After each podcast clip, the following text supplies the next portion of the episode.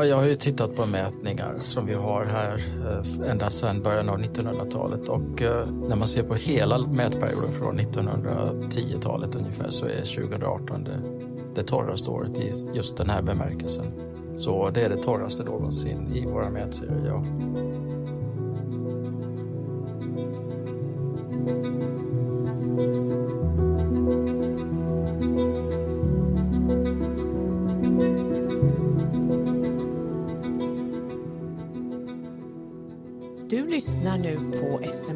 Vattenpodden där vi har en serie om olika vattenhändelser där några hydrologer, det vill säga vattenexperter från SMHI, sitter och pratar kring dramatiska händelser med vatten som vi har varit med om. Hej alla lyssnare! Nu har vi en liten ny poddserie här, säsong, som ska handla om ja, vattenhändelser. Och eh, ja, det här är första avsnittet och det är jag och Niklas. Hej Niklas! Hej, hej Berit! och eh, ja, vi har jobbat länge på SMHI. Hur länge har du jobbat på SMHI Niklas? Du, jag har nog varit här i 17 år som hydrolog. Ja, och vet du hur länge jag har varit här då? Inte en aning. Nej, ja, men jag har varit här i, ja det vet faktiskt inte jag heller, men jag ska få guldmedalj Oj. i år. Ja, visst, det får man när man har jobbat inom staten i 30 år. Oj. Så jag har jobbat inom staten i 30 år, men inte allt på SMHI, för först var jag på universitetet ett antal år också. Är det tårta då eller? Ja, det blir fint. Man ska åka iväg någonstans och få trerätters middag. Och Oj, oj. Jag ska ta med mig min gamla mor också. Åh, så att, härligt. ja. Och första avsnittet då så tänkte vi ju prata om, vad då Niklas? Ja, torka tror jag va? Ja, torka. Och då har vi med oss en gäst, Göran. Ja, Gör, Göran Lindström heter jag och eh, eftersom ni har sagt eh, hur många år ni har jobbat här så säger jag det också. Jag har varit här på SMH i 39 år och jag har en guldmedalj, ja. Vad har du jobbat med då? Ja, det har varit hydrologisk forskning av olika slag. eh, Framförallt eh, utvecklat sådana här beräkningsmodeller som man använder för att eh, beräkna flödet av vatten i vattendrag och sjöar. Om vi då tänker på de här, vi ska prata om torka idag. Och då tänkte vi på de stora senaste torkorna vi har haft. Det var ju somrarna 2016 och 2018. Mm. Och det kan man väl se som två händelser. Två torra händelser. Ja, det var verkligen eh, ett abrupt eh, en abrupt serie av torkaår som kom eh, efter en längre tid av ganska blött klimat. Så vi, vi var nog lite oförberedda även om det har varit torrt tidigare. Är det inte så Göran? Jo, totalt sett var ju 1970-talet ännu torrare men det som sticker ut nu är de här somrarna. Mm. Och höga temperaturer Ja, samtidigt. exakt. Ja. Vad var det som hände då 2016 egentligen om vi, om vi tittar på den händelsen först? Vi eh, hade väl haft en relativt torr vinterhalvår här först va? Det var ganska så ovanligt lite nederbörd under den vintern som, som skedde innan sommaren 2016. Det gjorde att, vadå? Ja, men det, man- upplevde det som att det mer eller mindre slutade regna där på hösten 2015 och sen var det ju väldigt eh, regnfritt under lång tid och så småningom så märktes det då i att det blev en väldigt torr sommar. Det var ju dåligt med snö den vintern men det har det ju varit väldigt många vintrar de sista tio åren ändå. Så att på det sättet kanske inte snömängden eh, skilde ut sig så mycket men det var just att det var eh, helt, även höst och vår också.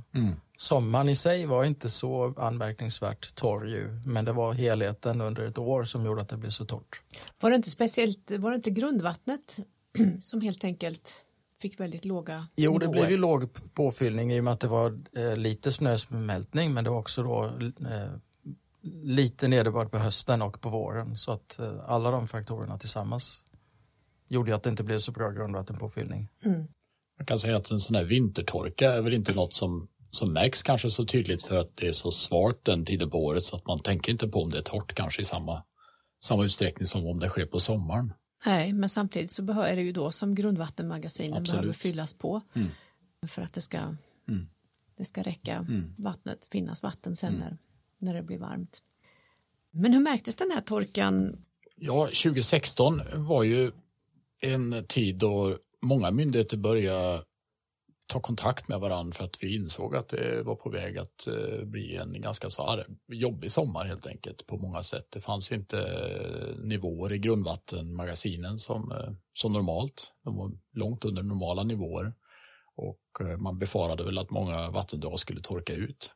Så det fanns ju mängder med panikutryckningar runt om i, i, i landet. Bland annat så i Småland så försökte man ju rädda flodpärlmusslor från att torka ut i vattendrag som hade sinat då, mitt i sommaren. Så att man fick flytta 1200 flodpärlmusslor till andra vattendrag helt enkelt för att de inte skulle duka under. Fick de flytta tillbaka sen? Ja, det skulle jag tro. Ja. Men eh, jag vet inte. Det förtäljer inte historien. Men de blev räddade i alla fall räddade, från, ja. från att torka ut? Ja, och det var ju väldigt många kommuner som hade gick ut med restriktioner på vattenanvändningen och uppmaning att man skulle spara på vatten och så vidare. Så att, eh, det var ganska allvarligt då. Ja, Niklas, det var väl speciellt allvarligt på Öland? Ja, Öland var ju en av de platser som eh, redan under ja, vintern, våren eh, såg att det här kommer inte gå ihop sig. De hade så låga grundvattennivåer och fick börja hushålla med vatten och de fick börja köra vatten på lastbil över Ölandsbron dygnet runt mm. från fastlandet mm. för att eh, försäkra sig om att eh, djuren hade tillräckligt med vatten. Mm. Ja, det här blir ju dyrt. Det blir dyrt och eh, det fanns inte på den tiden heller så många olika källor på vatten som på senare tid nu har man ju faktiskt byggt avsaltningsverk på Öland. Så man har en annan källa på vatten som kan mm. komplettera den här mm. så att säga, inlandsvattnet. Då. Mm. Men avsaltning tar ju, kostar ju också ganska mycket i energi. Det går åt en del energi till det. Ja. Mm. Så det, är ju oftast eh, dyrare alternativ än att mm. kunna ta det direkt ur, ja. ur marken så att säga. Ja.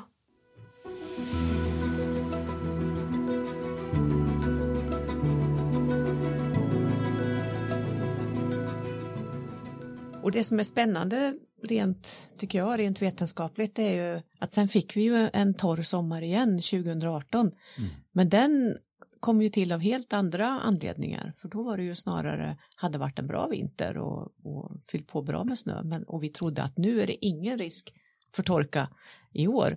Men sen blev det ju jättevarmt istället och regnade inte på hela sommaren. Så, så den, och den torkan tror jag att väldigt många kommer ihåg, för det var ju en av våra varmaste somrar som verkligen sticker ut mm. klimatmässigt. Mm. Ja, Göran, du satt på något möte där inför 2018. Och... Ja, du var ju med på samma möte. Det kanske jag var. och såg. Ja, och eh, det var ju speciellt då 2018 för det var ju som du sa inte bara gott om snö utan det var ju mer eller mindre rekordmycket snö mm. ut med Norrlandskusten. Det var ju nya snörekord på många håll och mm. Eh, sen var det ju hö väldigt höga eh, flöden i älvarna. Tornälven bland annat, där Ikea hade problem. Så det var ju gott om snö hela vägen från Bergslagen och ända upp till Torn, alltså ända så långt man kan komma norrut i Sverige. Mm. Och även i södra Sverige var det ju någorlunda gott om snö. Mm. Och sen så smälte snön och så slutade det regna och så mm. blev det varmt och mm. torrt. Mm. Så vi trodde nu är vi, nu är vi säkra här. Nu ja, och det var ju det man trodde på det där mötet då att eh, ja men vad skönt att vi får, det ser bra ut den här, det här året. Det var ett sånt här torkarmöte som var här på SMHI. Men det var någon, någon av dem som sa att men hallå där, det, man vet aldrig. Det kan ha varit jag. Nej, jag tror inte det var du Niklas. Nej, det tror inte jag heller. Och sen tror jag alla minns hur sommaren mm. blev. Det, mm det, det blev ju ganska katastrofalt för, för jordbruket mm. speciellt.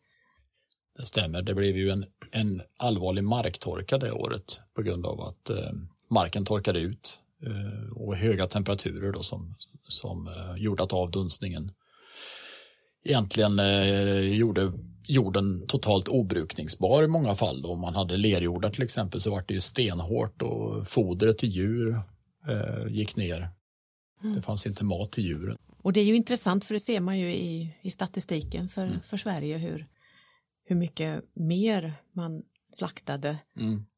2018 då. Så det var ett hårt år för de areella näringarna. Eh, men kanske inte så svårt för vattenförsörjningen.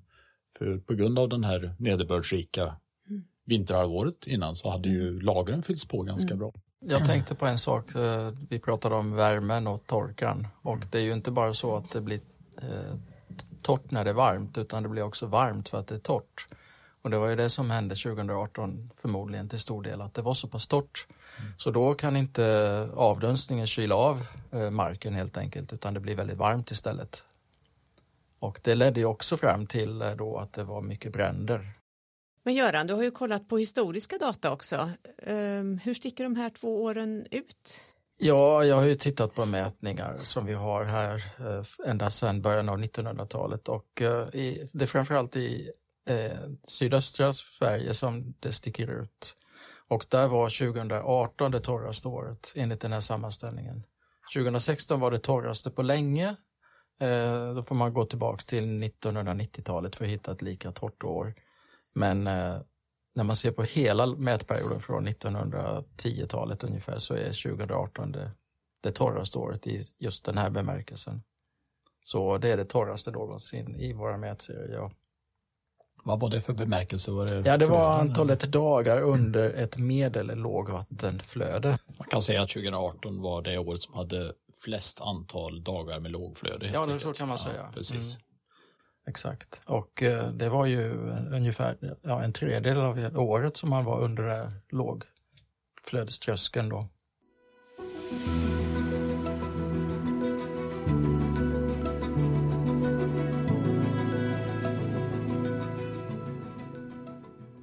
Tänk om vi skulle komma in på det med sjöarna i Sverige. Ja. Det är ju någonting som utmärker Sverige ja. från resten av Europa egentligen, mm. förutom Norge, Finland mm. då kanske. Mm. Det är extremt mycket sjöar och vi är extremt beroende av vattnet i sjöarna här. Mm. Det är ju tre fjärdedelar av vattenförsörjningen som Men jag tycker alltså det är spännande om man, uh, man har gjort sådana undersökningar och, och karteringar och om man säger att en sjö är större än en hektar mm. då är Sverige det mest sjötäta landet i världen. Ja, det där är väldigt spännande. För jag har bekanta som sa att ja, men hur kan vi ens prata om vattenbrist i Sverige när vi har hundratusen sjöar? Ja. Eh, och jag tror att den tanken har nog inte riktigt folk förstått att när man börjar suga vatten ur en sjö så att man inte har något utflöde i sjön längre. Mm. Då är, då är det fortfarande i, kvar vatten. Det är fortfarande kvar vatten men det är en slags, eh, då tär man ju på själva grundkapitalet så att säga. Du tar inte på överskottet som, som mm. vi är vana att göra. Mm. Vi tar ju bara den här lilla volymen som, mm. som är mellan tröskeln och sjöytan egentligen i, mm. i vanliga fall. Jag vet mm. inte, hur ska man eh, hur ska man diskutera det? Men det får man börja pumpa upp vatten i så fall ur sjöar. Men... Ja, då sätter man sig i skuld för ja. framtiden. Då lånar, lånar man ju vatten av framtiden. Ja, ja, precis. Men det kan man ju göra. Ja, det är vi ju vana vid. Låneekonomi har vi haft i många decennier nu. Ja. Det är Europas mest skuldsatta land i ja. så ja, huslån så vi kan väl lika gärna ja. ta ut allt sjövatten också. Ja. Nej, för det där är lite spännande faktiskt att vi har ju så fruktansvärt mycket vatten synligt men det är inte det som vi tänker oss är det tillgängliga vattnet. Nej. Eh, men ändå är det ju det liksom. Så att, skulle det bli absolut kris så finns det ju där men Ja, då får man suga upp det sjöarna i tankbilar och så skjutsa det då ut till nedströms. Ja, eller om man har en, en, ett intag i en sjö mm. någonstans mm. så kan man ju fortsätta pumpa där även om inte det mm. rinner ut något vatten ur sjön. Mm. Jag tror så gjorde man ju i Nässjö. Man var ju nere på, på det kapitalet så att säga. Mm. Det hade slutat rinna ut vatten för länge sedan. Och då pumpade man? Då fortsatte använda det vattnet. Ja, men det är ju ett specialfall med en väldigt, väldigt mm. liten sjö. Liten sjö. Stor befolkning som ja. behövde äh, vatten. Till. Väldigt tillfälligt. Men då pumpade man upp det ur sjön och till utloppet av sjön eller? Nej, tog, vad gjorde man av det? Till vattenverket? Mm. Ja, det kan man ju göra. Ja. Mm. Man kan kanske låna lite tillfälligt. Mm. Bara man betalar tillbaka det snabbt.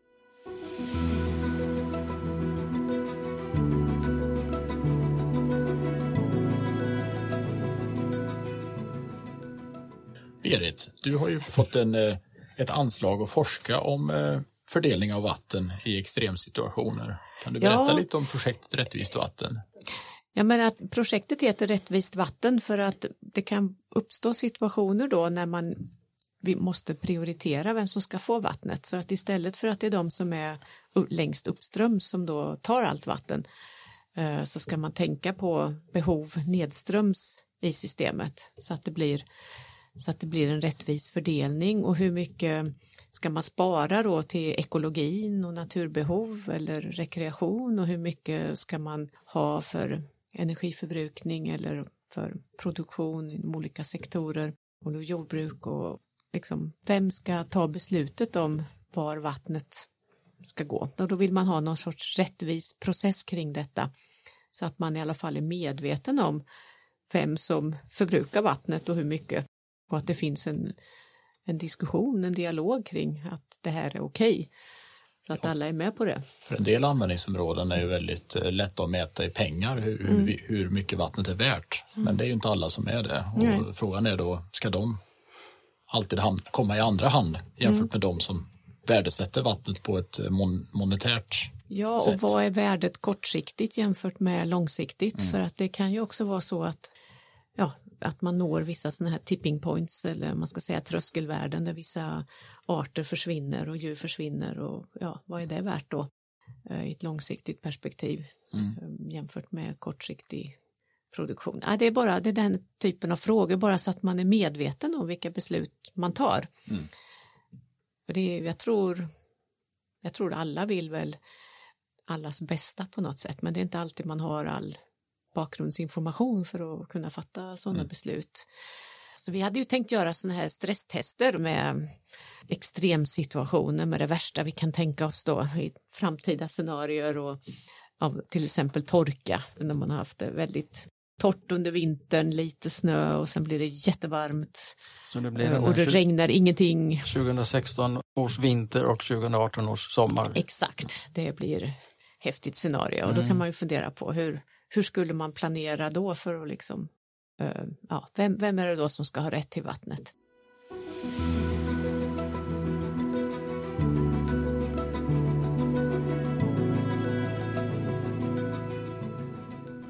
Men Berit, vad är det viktigaste vi ska använda vattnet till då? I första hand är det väl dricksvattnet som måste säkras. Folk måste ju dricka för att, för att överleva. Men sen om man ska prioritera energi eller om man ska prioritera ekologi eller om man ska prioritera jordbruk eller skogsbruk. Det är ju, det är ju lite svårt. Jag vet vi gjorde en del eh, omvärldsanalys hur andra länder hanterar den här frågan. Mm. Och i, jag tror i England finns det väldigt tydlig bestämmelse om att man kommer ner till en viss lägsta nivå i flöden så, så får inga uttag ske. Det är hands-off som de kallar det. Att eh, bort med händerna ifrån det här flödet för det ska naturen ha. Den sista biten är liksom för att naturen ska klara det. Så där har man någon slags definition av när det där inträffar och, och alla vet att under den här gränsen får vi inte ta något vatten. Eh, I Holland hade man en eh, annan variant och vet att man hade en prioritetsordning, vem som hade första king och vad som var näst viktigast och tredje viktigast och så vidare. Det var lite intressant att det som hade störst eh, prioritet i Holland det var att inte sänka grundvattennivåerna så det blev sättningar i deras eh, fördämningar mot kuster och så vidare. Nej, det kan man ju hela, förstå. Ja, nu dränks hela landet. skulle hela landet kunna dränkas, så att det var deras prio nummer ett. Sen ja. kom eh, kylvatten till kärnkraftverk och sådana saker lite senare i prioordning. Men, ja. det, ja, men det behöver vi tänka igenom mm. i Sverige. Vad ska vi ha för prioordning? Mm. Precis. Och det kan nog se väldigt olika ut på olika, i olika områden kan jag tänka mig, olika avrinningsområden. Mm. Vad det finns för verksamheter och, och, och, hur de då ska prioriteras. Så vi har ju jättemycket att lära oss mm. och mycket där vi kan liksom dra nytta av vad man har gjort i andra länder. Ja, och en del saker kanske går att rangordna helt enkelt. Göran, du har varit inne på det inom analys av åtgärder mot vattenbrist. Vad, vad, är det som ger störst effekt och vad är det som inte ger så stor effekt och så vidare. Om man skulle tänka ja, framåt. Det är ju eh, framförallt att man sparar vatten i eh, dammar och eh, sjöar. Eh, det är ju det snabbaste sättet att förbättra vattentillgången vid lågflöden. Att man sparar det tills eh, det att man behöver det. Jag räknade ju på det och många andra åtgärder i landskapet och andra förändringar i landskapet har enligt våra resultat eh, mycket mindre påverkan. Eh, till exempel eh, återvätning av skogsmark och ja, sådana förändringar i markanvändningen som man tänker på. Mm. Det, det, var liksom mer långsökt än att uh, spara vattnet. Man använder ja. ju vad heter det, bevattningsdammar i jordbruket till exempel. Det är ett effektivt sätt att spara vatten. Då sparar man väldigt mycket vatten på en liten yta eftersom man, har, man kan dämma upp eh, en damm som är med flera meters lagringskapacitet till exempel. Mm. Så det gäller att spara vattnet när, det, när vi har mycket nederbörd och Ja, det det finns mycket vatten och sen kan man mesta- använda det när det blir torrt då. Det, det, det mesta går ju ut på att man vill jämna ut flödena så att det, man inte vill ha för mycket när det är högt och för lite när det är lågt. Ja. Så sjöar och eh, dammar är ju bra på det sättet. Så det finns ju både bra och dåliga saker med detta. Då. Det är ju dels att eh, mycket av det här redan är på plats förstås. Så att eh, många sjöar är ju redan uppdämda och skulle kunna förstärka vattenflöden under torrperioder. Men den dåliga eh, nyheten är väl att vi har andra prioriteringar också med det vattnet och vi vill producera el och det är andra, andra saker som ska vägas in där. Hur ser vi att det där kommer gå till då i framtiden? Är det, kommer alla vara överens? Nej, det tror jag absolut inte och det ser vi i det här forskningsprojektet jag pratade om förut och redan vi har gjort lite enkätundersökningar och så. Det finns ganska stora konflikter kring vatten och man känner sig förfördelad om man är nedströms i ett vattendrag och eh, man tycker att de uppströms använder för mycket. Så, eh, och sen också precis som du var inne på det här med de ekologiska hänsynen att det inte finns någon minimi, tydlig minigräns där för vad ekologin behöver. Det, det finns rätt mycket att göra. Man kom, idag är man inte överens kan man ju säga.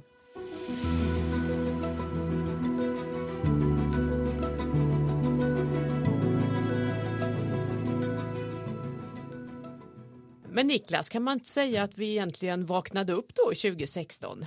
Jo, jag tror det. För vi på SMHI var väldigt dåligt förberedda på torkaproblem innan dess. Ja. Det är inget eh, varningssystem riggat för Nej.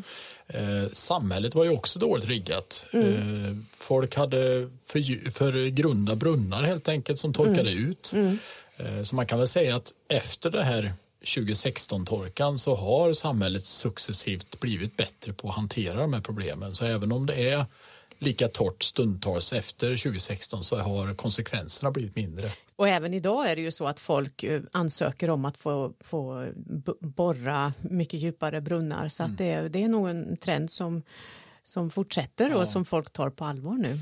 Det syns väldigt tydligt i statistiken hos brunnsborrare och även eh, företag som säljer bevattningsutrustning att Mm. eh, det har ökat enormt de senaste åren. Ja, men ska vi sammanfatta det här med att eh, det har varit några jobbiga år 2016 och 2018 och vi hoppas att de inte kommer allt för ofta men det finns mycket scenarier från klimatmodellering som tyder på att det skulle kunna bli en vanligare händelse. Och då gäller det att vi, vi är beredda att kunna hantera de här. Och är det en bra sammanfattning? Det var helt knäpptyst. Det är som att jag pratar ensam.